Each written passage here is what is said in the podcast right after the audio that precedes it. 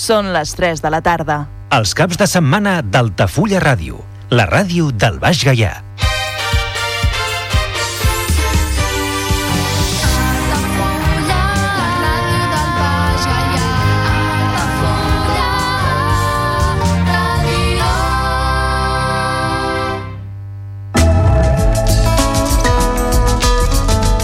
L'agenda Altafulla Ràdio.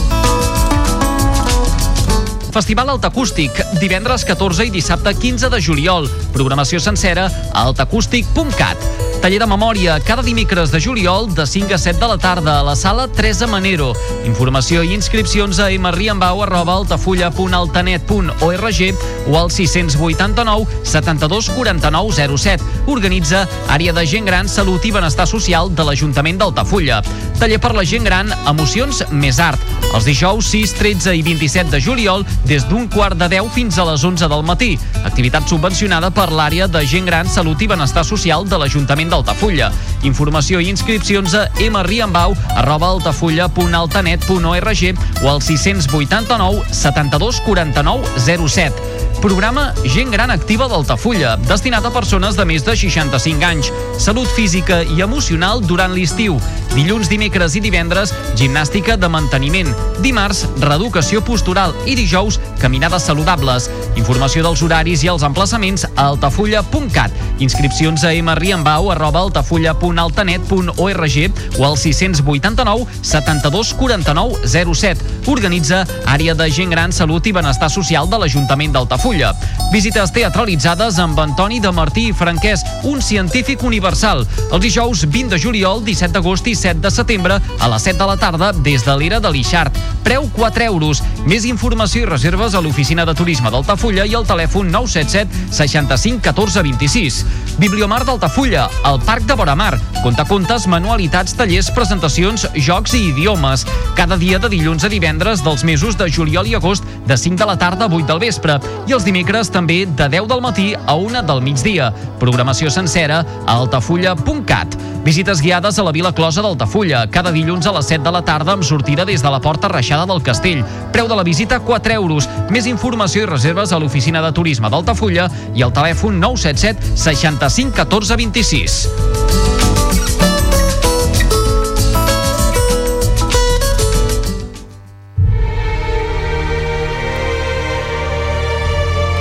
Parlem d'aquell cinema Cinema clàssic a Altafulla Ràdio, amb Andrés de Andrés. on la música de cinema és el fil conductor. Cada cap de setmana a Altafulla Ràdio parlem d'aquell cinema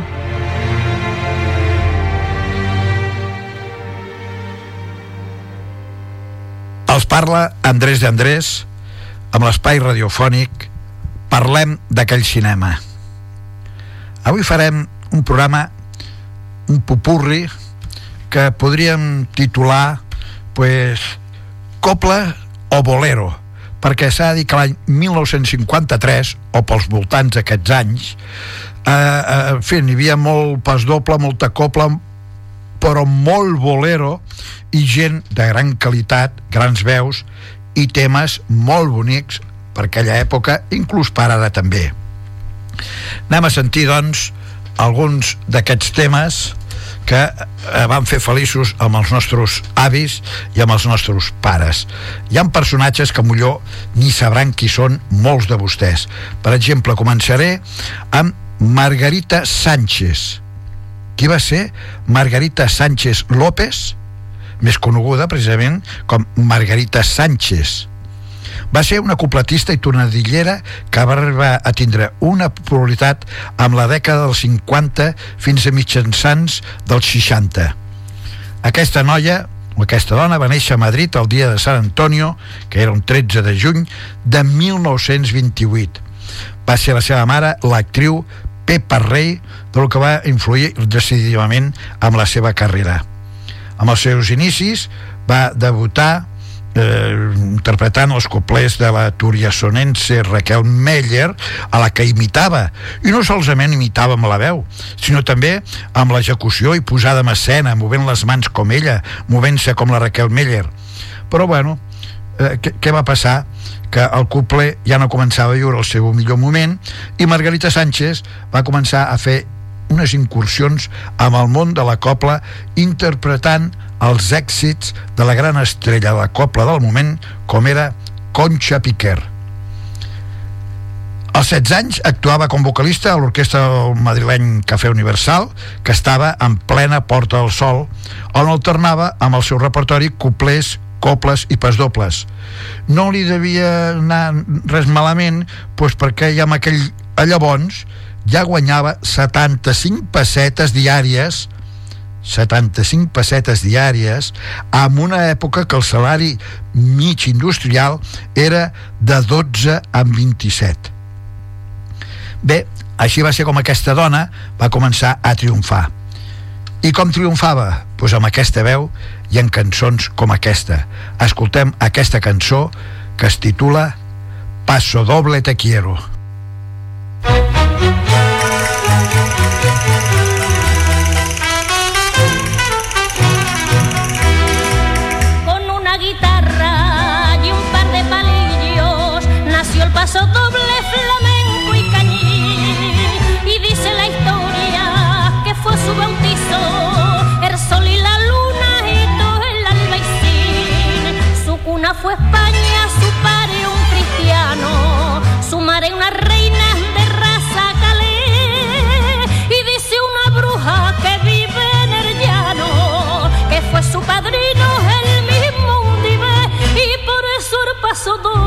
Flamenco y español. Y por eso yo lo llevo dentro de mi corazón. Paso doble te quiero, porque tienes en tu garbo lo mejor del mundo entero. Paso doble te quiero, porque tienes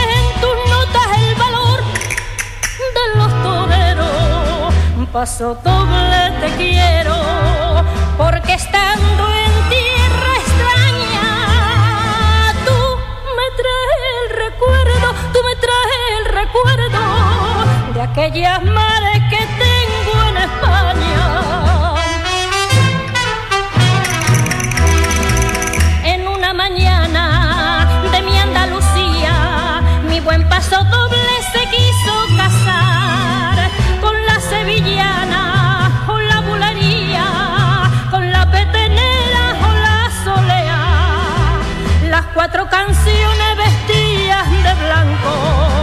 cantando y bailando se fueron con él. Y cuando a la luna las cuatro llegaron, el rey de las coplas le dio su querer y en lo alto de las nubes un palacio edificó donde vive más alegre que el mismito faraón.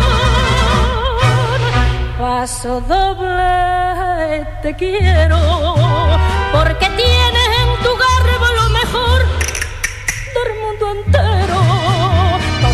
doble te quiero, porque tienes en tus notas el valor de los toreros. Paso doble te quiero, porque estando en tierra extraña, tú me traes el recuerdo, tú me traes el recuerdo de aquellas mares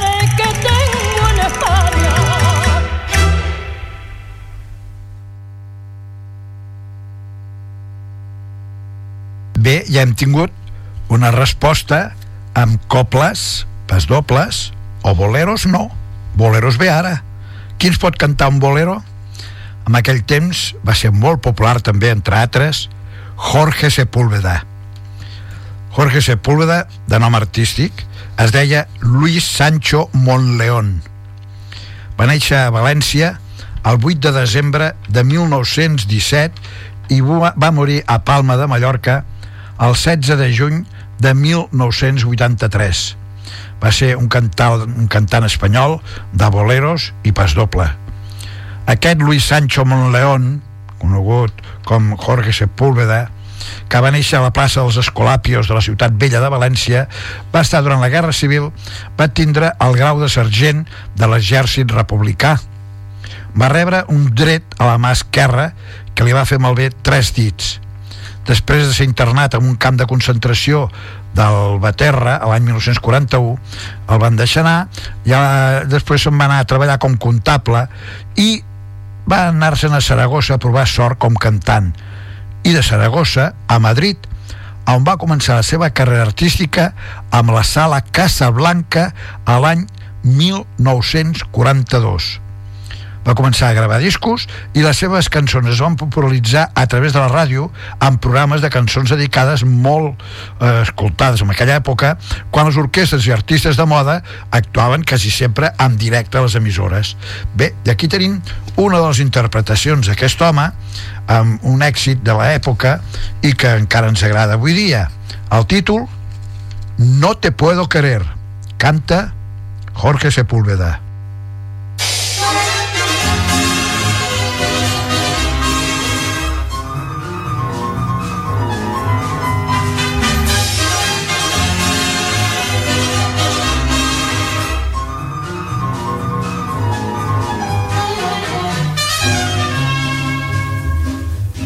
Quiero que me supliques que yo te quiera. No quiero verte llorar, ni quiero que pases pena. Despreciaste mi cariño cuando yo te lo entregaba. Y un cuchillo me clavabas en mitad del corazón. Lo mismo que estás sufriendo, yo también por ti sufrí. Hazte cuenta que me he muerto y no te acuerdas. No te puedo querer porque no sientes lo que yo siento. No te puedo querer. Apártame de tu pensamiento. Un día te quise y al verme llorando, tú te reías de mi padecer. Ahora es tarde, no hay remedio.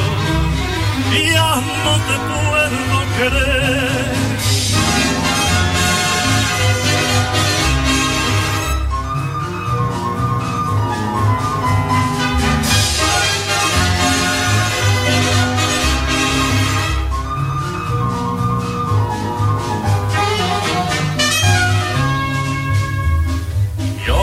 Quisiera quererte, pero no puedo. La culpa no tengo yo, ni mando mi sentimiento. Tú jamás podrás negar lo que te quise ciegamente. Y que esclavo estuve siempre de tu luz y voluntad. Si ahora ya no te quiero, no te debes de quejar, que te pago con moneda que me enseñaste. No te puedo querer porque no sientes lo que yo siento. No te puedo querer. Apártame de tu pensamiento. Un día te quise y al verme llorando, tú te reías de mi padecer. Ahora es tarde, no hay remedio ya no te puedo querer. No te puedo querer porque no sientes lo que yo siento. No te puedo querer. Apártame de tu pensamiento. Un día te quise y al verme llorando, tú te reías de mi padecer. Ahora es tarde, no hay remedio ya no te puedo querer.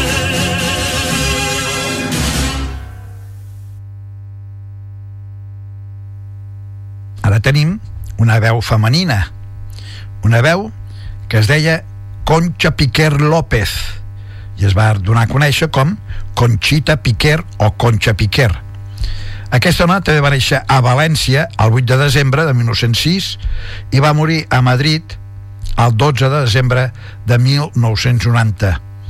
Va ser una cantant i una actriu espanyola una de les figures més relevants del gènere de la copla inclús les pel·lícules quan s'interpretava les cançons bueno, la, gent, la gent anava no per veure la, eh, la pel·lícula no, sinó per sentir les seves cançons va interpretar un estil depurat de gran perfecció vocal les composicions més famoses de la cançó espanyola, quasi totes elles obres dels autors Valverde, Quintero, León i Quiroga, com Ojos Verdes, Tatuaje, y sin embargo te quiero, En tierra extraña i Lola Puñales. Diferents fonts recullen com data de naixement el 8 de desembre de 1906 i el 13 de desembre de 1906 data que es, es pren com data indicada en la partida de naixement segons inscripció amb el registre civil. Concha Piquer era d'una família humil que havia tingut anteriorment quatre fills, quatre germans, i que havien mort prematurament. Amb la seva partida de naixement es va prendre com data real el 13 de desembre, encara, potser per superstició, sempre es va dir que havia sigut el dia del seu sant, el dia 8 de desembre.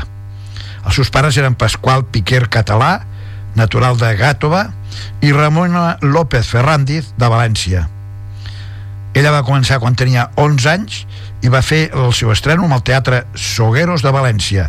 Va estudiar cant amb el mestre Laguna, va actuar amb el Grau a Gandia i amb els teatres valencians Apolo i Cursal i a partir d'aquí ja la seva fama i les seves actuacions ja van recórrer part del món. Què ens canta aquí Concha Piquer o Conchita Piquer? Una obra de Quintero, León i Quiroga. El títol Con divisa verde y oro.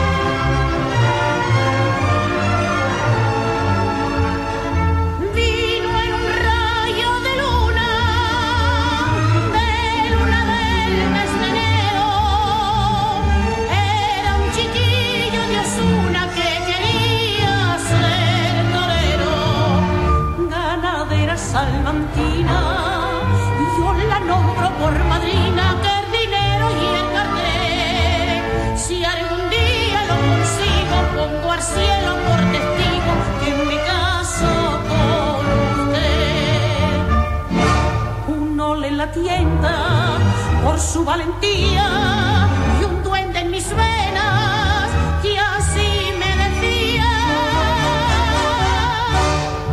ganadera con divisa verde y oro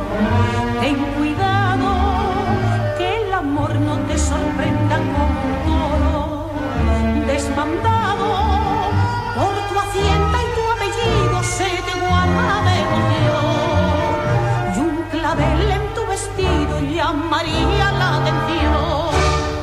En tus ojos se adivina la locura de un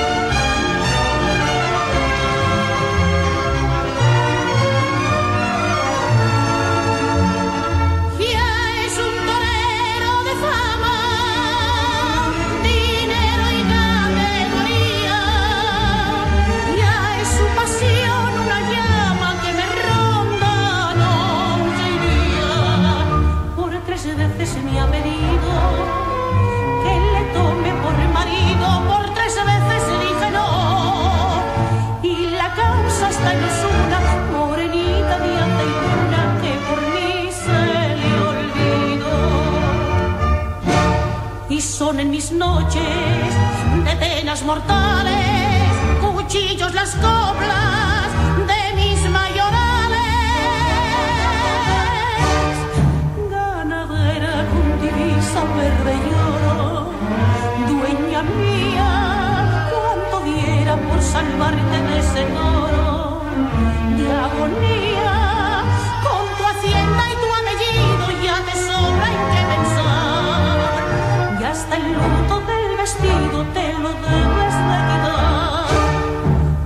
y así no se adivina que enterraste su te adoro.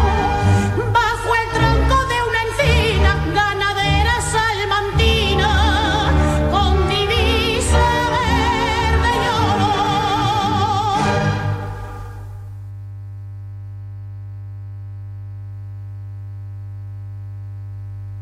Ara tenim un català un home que va néixer a Barcelona a 1927. El seu nom era Juan Jorquera Llòria i artísticament tothom el coneixia com Juanito Segarra. Juanito Segarra va morir a Madrid en 1987.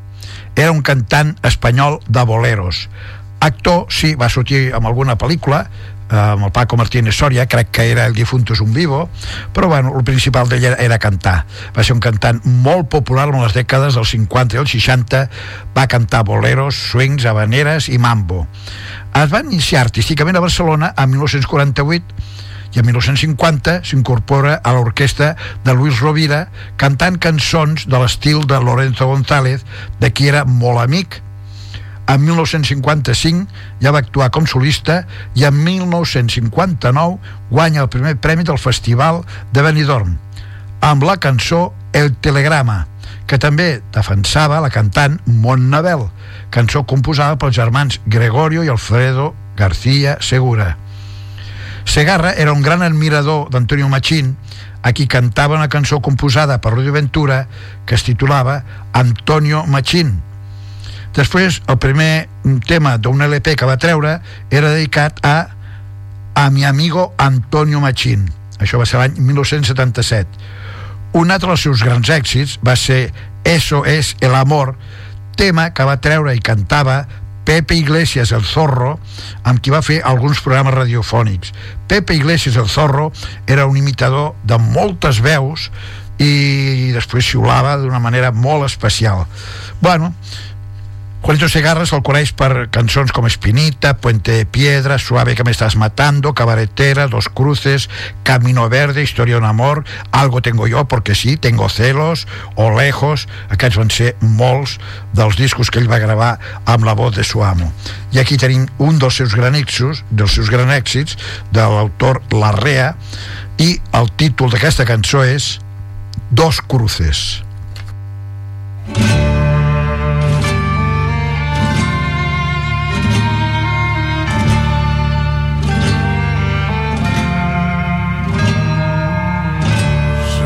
Sevilla tuvo que ser. Con su lunita plateada, testigo de nuestro amor, bajo la noche callada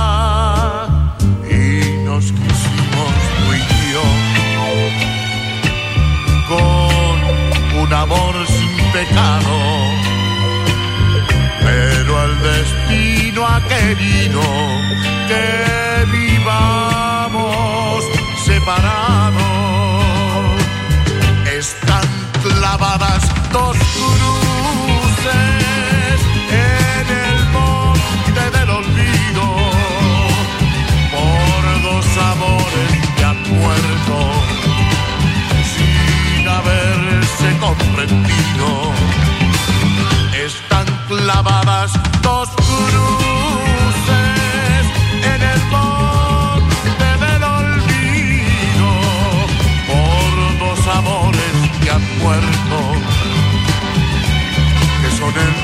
tuyo y el mío.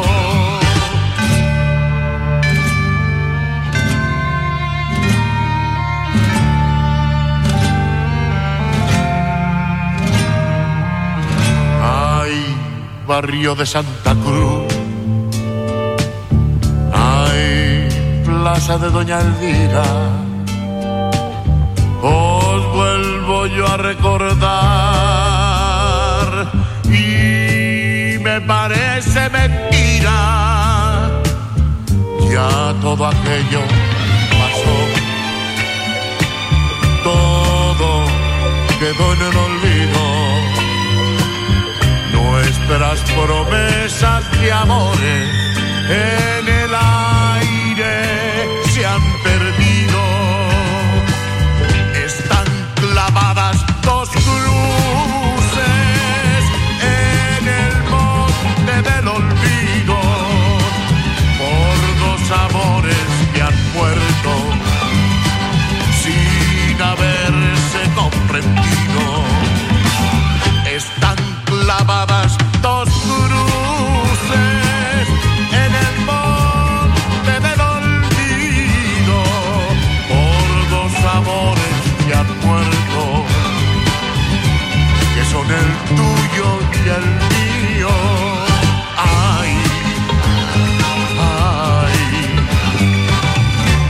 son el tuyo y el mío.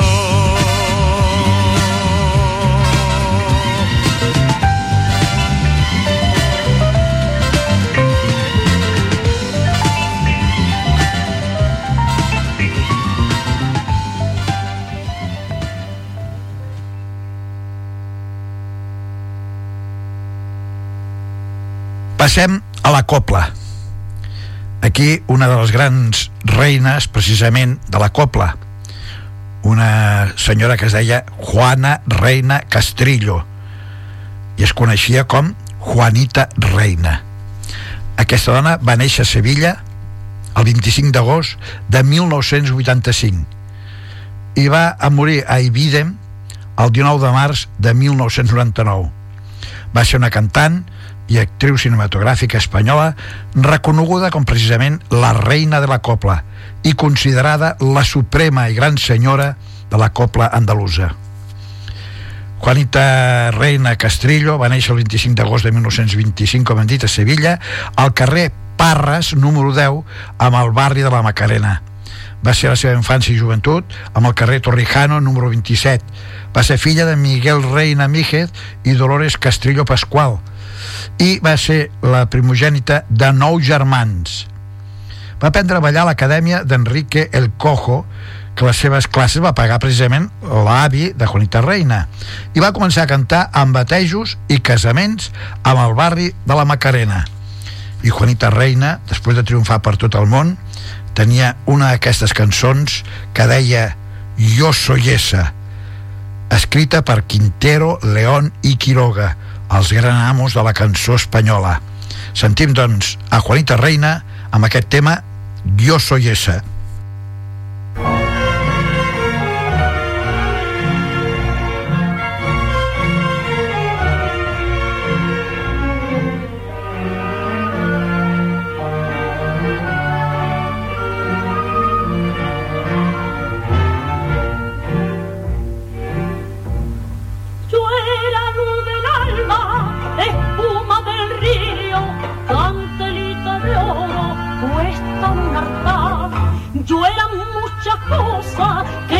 Han perdido en los arenales de tu voluntad. Y ahora soy lo mismo que un perro sin amo que vente al sitio donde va a morir. Si alguien me pregunta que cómo me llamo, me encojo de hombro y contesto así. Yo soy esa, esa oscura clavellina que va de esquina en esquina, volviendo atrás la cabeza. Lo mismo me llaman Carmen que Bolilla que Pilar. Con lo que quieran llamarme me tengo que conformar. Soy la que no tiene nombre, la que a nadie le interesa. La perdición de los hombres, la que ni en cuanto besa. Ya lo sabe, yo soy esa.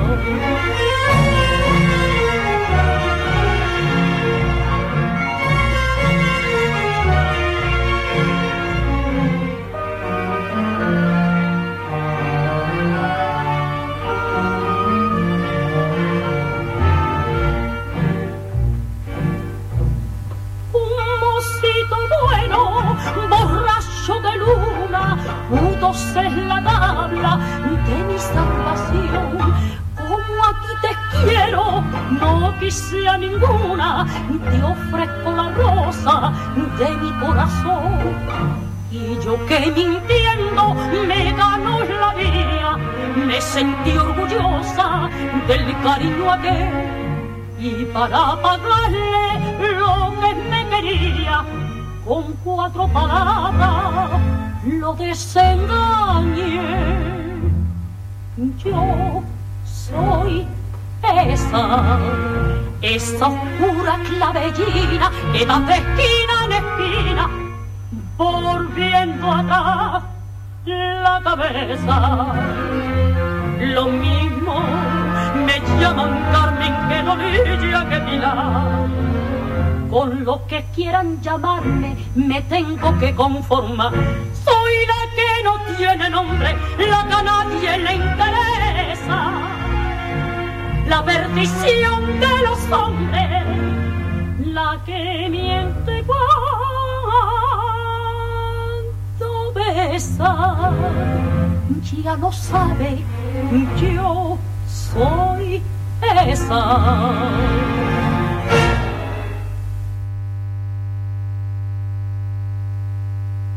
Un altre gran personatge de l'època que va arrastrar mils i mils i mils de seguidors. Un home que es deia Valderrama, Solapis i Escollers. Juan Manuel Valderrama Blanca, conegut com Juanito Valderrama. Va néixer a Torre del Campo, a Jaén, el 24 de maig de 1916 i va morir a Espartines, Sevilla, el 12 d'abril del 2004. Va ser un cantaor de flamenco i copla, a més de ser un actor espanyol. Nascut amb el bressol d'una família de pagesos, fill de Juan Valderrama i Jacinta Blanca. La carrera professional de Valderrama va començar l'any 1935 amb el Cine Metropolitano de Madrid i s'allargaria més de 60 anys la seva actuació per tot el món. De totes maneres, s'havia iniciat amb el flamenc des de petitet, mentre no treballava amb el camp i va tindre diversos intents de fugida per dedicar-se a la seva passió. Marxava, el pescaven, tornava a casa, tornava a marxar. A l'any 1934 coneix a la niña de la Puebla i aconsegueix el permís dels seus pares per pujar a l'escenari i treballa amb els seus començaments en companyia d'Angelillo junt a artistes com Pepe Marchena. Juanito Valderrama va intervindre com a actor cantant en sis pel·lícules del cine musical espanyol, entre elles El rei de la carretera, 1956, El emigrante, 1960, Gitana, 1965, junt amb Dolores Abril, i escenes amb Paco de Lucía, amb guió basat en la cançó Maria Magdalena de Rafael de León. I després De Barro i Oro, 1966, junt també amb Dolores Abril, en guió de Juan García Hortelano. Després va fer La niña del patio, l'any 1966, i El padre Coplillas, de l'any 1968. Li va ser concedida la medalla al mèrit amb el treball i la medalla al mèrit turístic. Alguna de les grans cançons de Juanito Valderrama va ser aquesta. Escoltem Su primera comunión.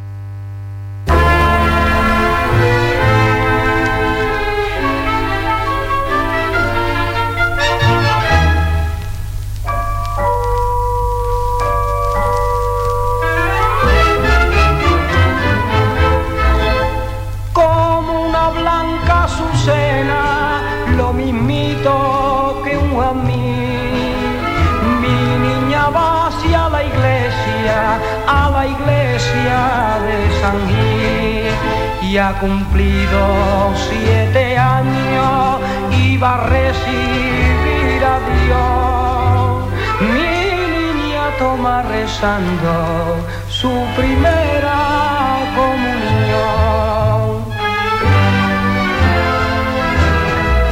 y en el quicio de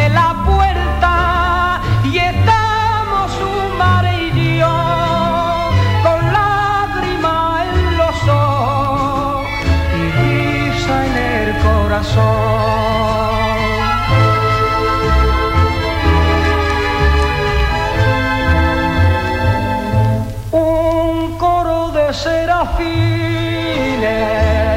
hay en el altar mayor que está mi niña tomando su primera comunión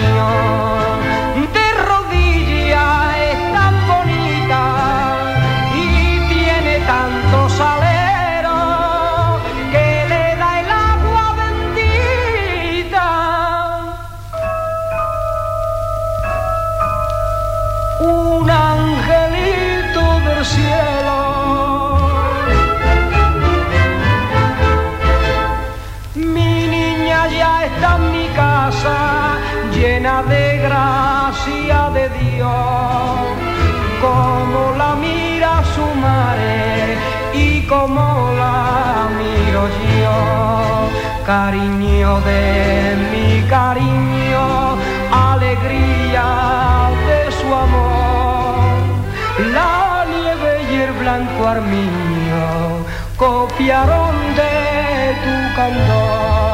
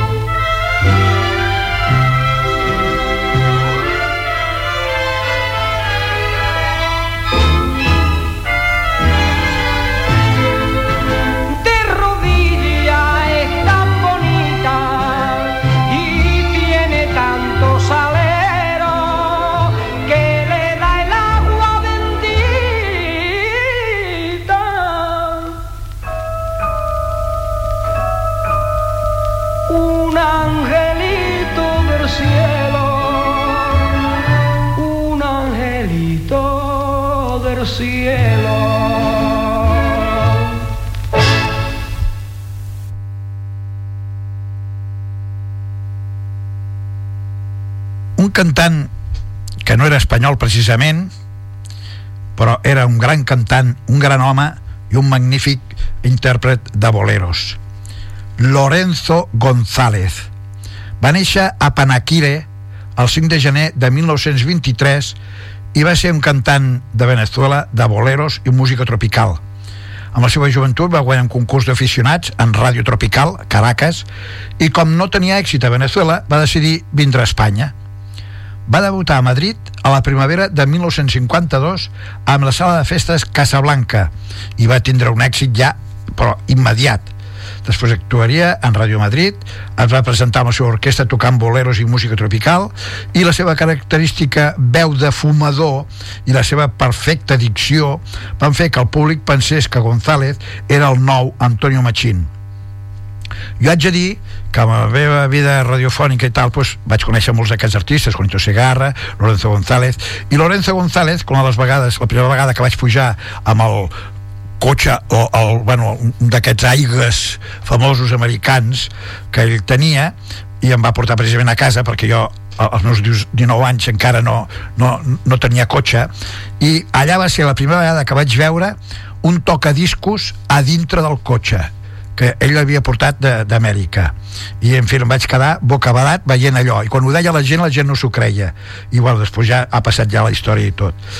Bueno, Lorenzo González va presentar els millors llocs a Madrid i Barcelona, va estrenar els seus propis espectacles al Teatre Victòria i va ser cantant convidat a la cadena d'Hotel Hilton en tot el món. En Venezuela va rebre el Premi Guacaipuro de Oro allà a principis dels anys 50 el cantant va incloure amb el seu repertori els temes de Bobby Capó Niña Cómo dona traición Piel Canela i Luna de Miel en Puerto Rico. Van ser molts els èxits que va tindre i molta la gent que es va casar enamorant-se ballant les cançons de Lorenzo González. Escoltarem aquest tema tan conegut amb la veu de Lorenzo González que es titula Piel Canela.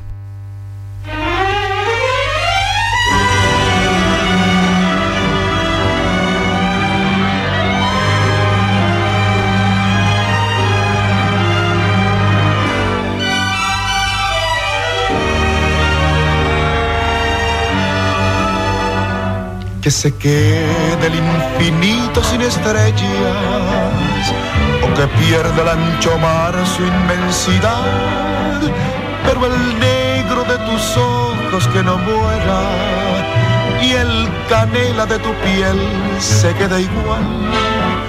Si perdiera el arco iris su belleza y las flores su perfume y su color, no sería tan inmensa mi tristeza como aquello de quedarme sin tu amor.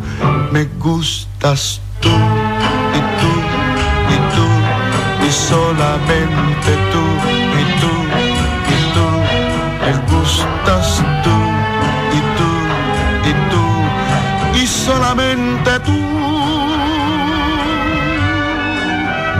ojos negros, piel canela, que me llegan a desesperar. Me gustas tú,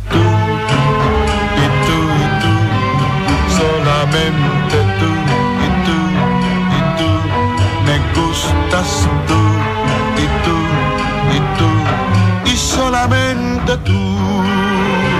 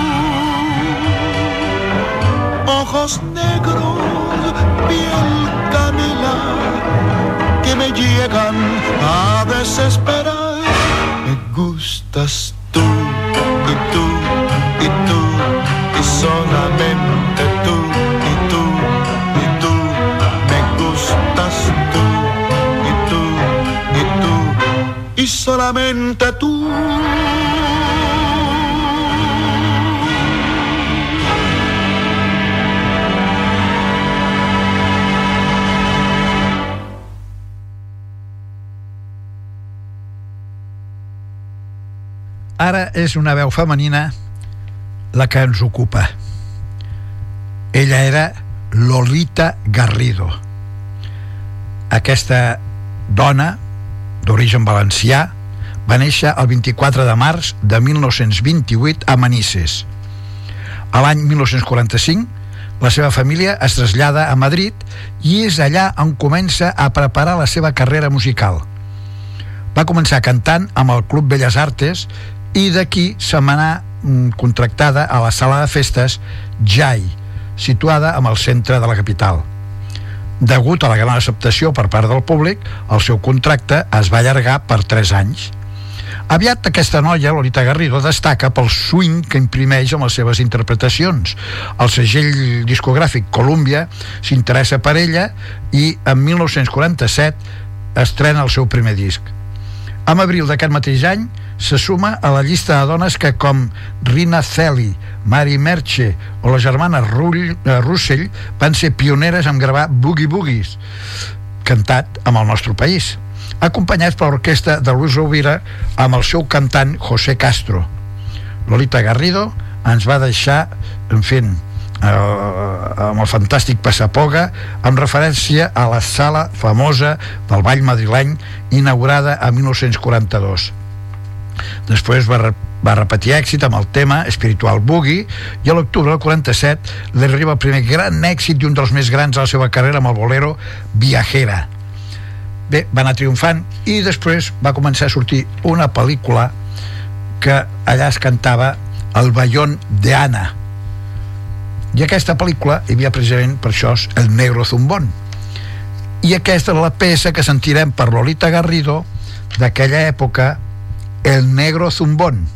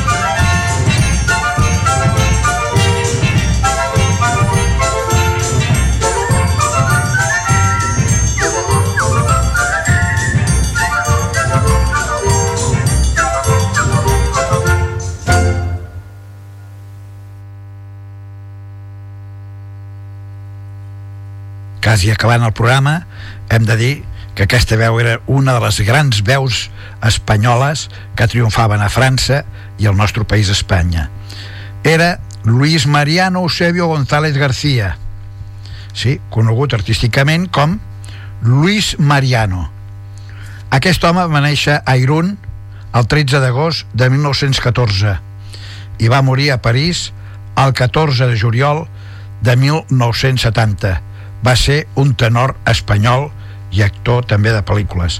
Va tindre gran èxit com tenor cantant, operetes i com actor de pel·lícules musicals durant els anys 50 i 60, sobretot en França, que el va considerar com cantant seu. El seu pare es va exiliar a França amb la seva família al començar la Guerra Civil Espanyola. Van marxar des d'Irún a Bayona amb Mario o Mariano va formar part de, com cantant junt amb altres músics aficionats bascos, també exiliats, i d'una petita orquestra que tocava amb els restaurants. Després se'n va anar a Bordeus, amb el seu pare va treballar eh, com mecànic. Bé, amb l'escola va tindre més interès pel cant i la música que per la gramàtica i l'aritmètica i entre l'any 37 i 39 va formar part d'un grup vocal Erensoinca, amb el que va actuar amb les diverses ciutats europees. Bé, va ser més amb el Conservatori de Bordeus i allà ja va tindre la decisió de, que, de ser cantant d'òpera. Bueno, no va ser d'òpera, òpera, però sí va ser un cantant molt estimat per tots. I aquí ho podrem tindre amb el tema d'una pel·lícula que porta el mateix títol, com era Violetas Imperiales. Canta Luis Mariano.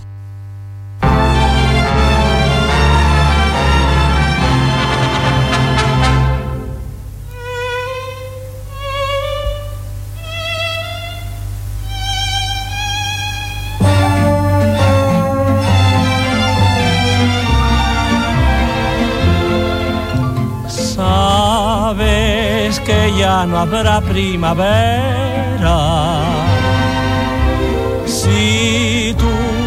estás aquí, violetera. La primavera ha venido, yo sé por qué ha sido. Entre las flores que ofreces es como una flor. Piensa que en esta corte francesa más que gitana, princesa. Violeta de España,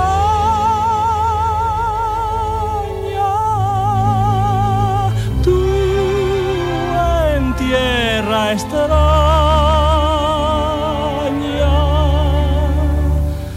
vives para el recuerdo de aquel amor.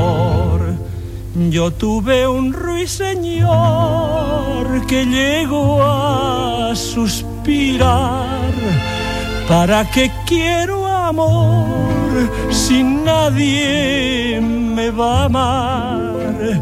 Ramito de violetas que luzca en el ojal. Me siento emperador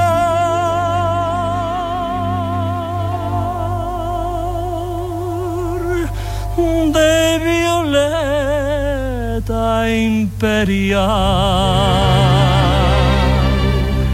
Era un cielo de primavera cuando me dijo la violetera, cómpreme usted mis violetas que son las primeras.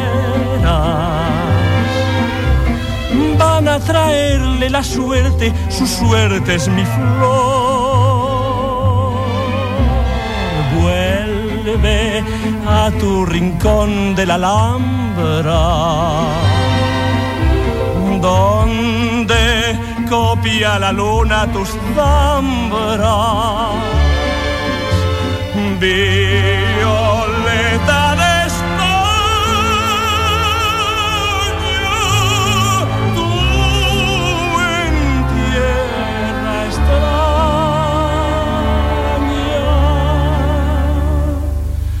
vives dando sentido a mi amor.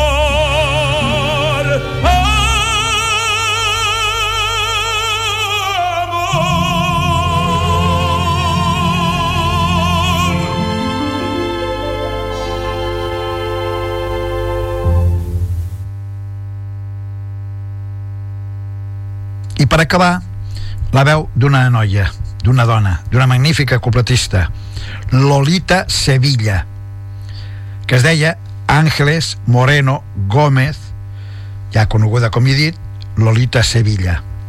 Va néixer a Sevilla el 20 de març de 1935 i ens va deixar el 16 de desembre a Madrid de 2013.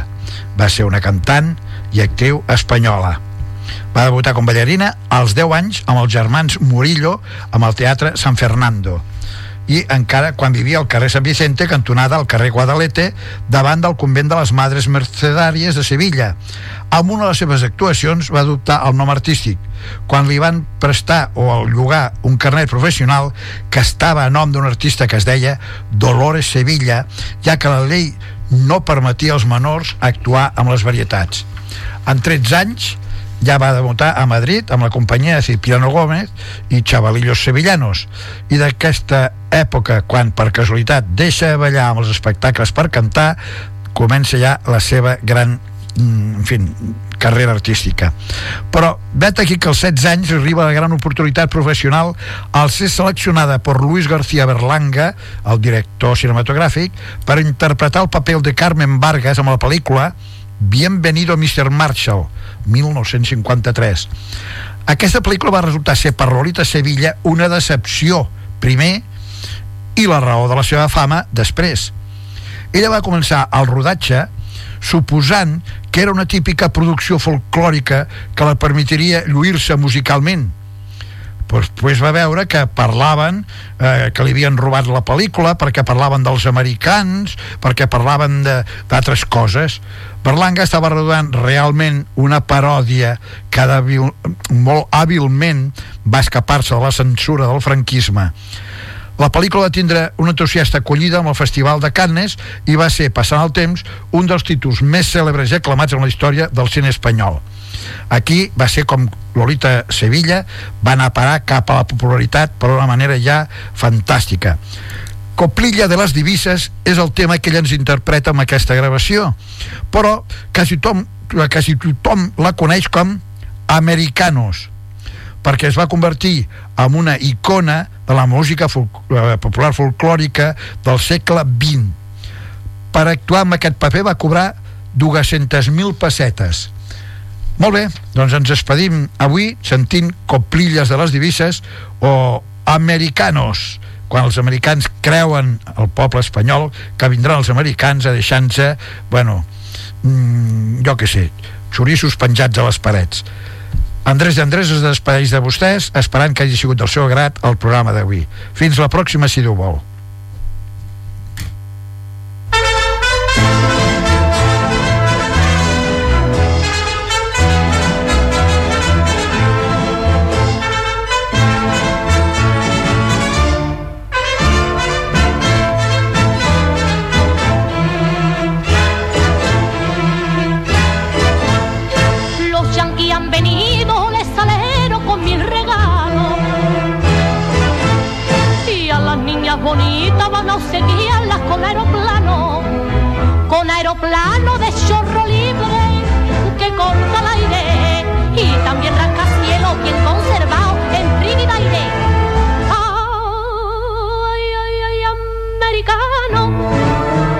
Vienen a España guapos y sanos.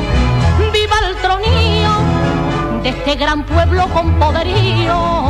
Ole Virginia y Michigan y viva Terza que no está mal. Os recibimos americanos con alegría. Ole mi madre, ole mi suegra, yo ole mi tía.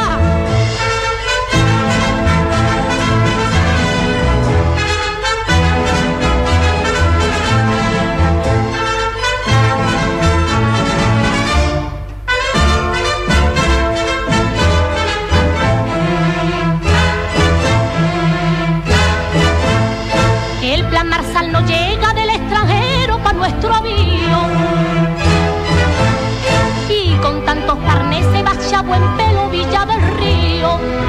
Traerán divisa pa' quien tolere mejor corría. Y medias y camisa pa' las mositas más presumidas. Ay, ay, ay, Vienen a España guapos y gran pueblo con poderío. Ole Virginia y Michigan y viva Terza que no está más. Os recibimos americanos con alegría. Ole mi madre, ole mi suegra, ole mi tía. Americano, Vienen a España guapos y sanos. viva el tronío. De este gran pueblo con poderío. Ole Virginia y Michigan y viva Terza que no está más. Os recibimos americanos con alegría. Ole mi madre, ole mi suegra, y ole mi tía.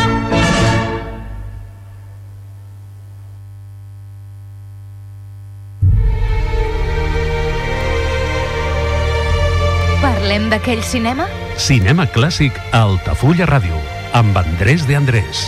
on la música de cinema és el fil conductor. Cada cap de setmana a Altafulla Ràdio parlem d'aquell cinema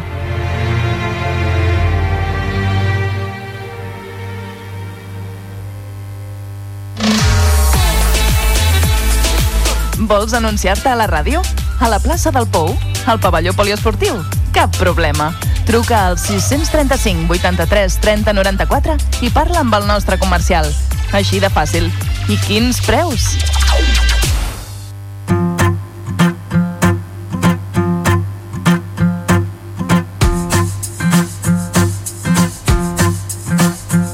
Brindem cada nit per la màgia de l'oblit abans que la consciència ens faci mal. Brindem per l'amor o que sigui que sentim. Brindem fidels amants.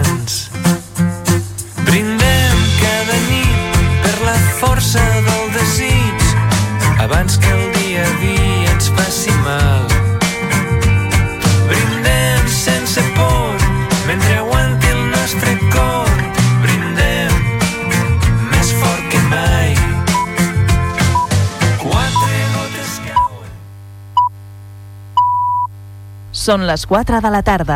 Els caps de setmana d'Altafulla Ràdio, la ràdio del Baix Gaià.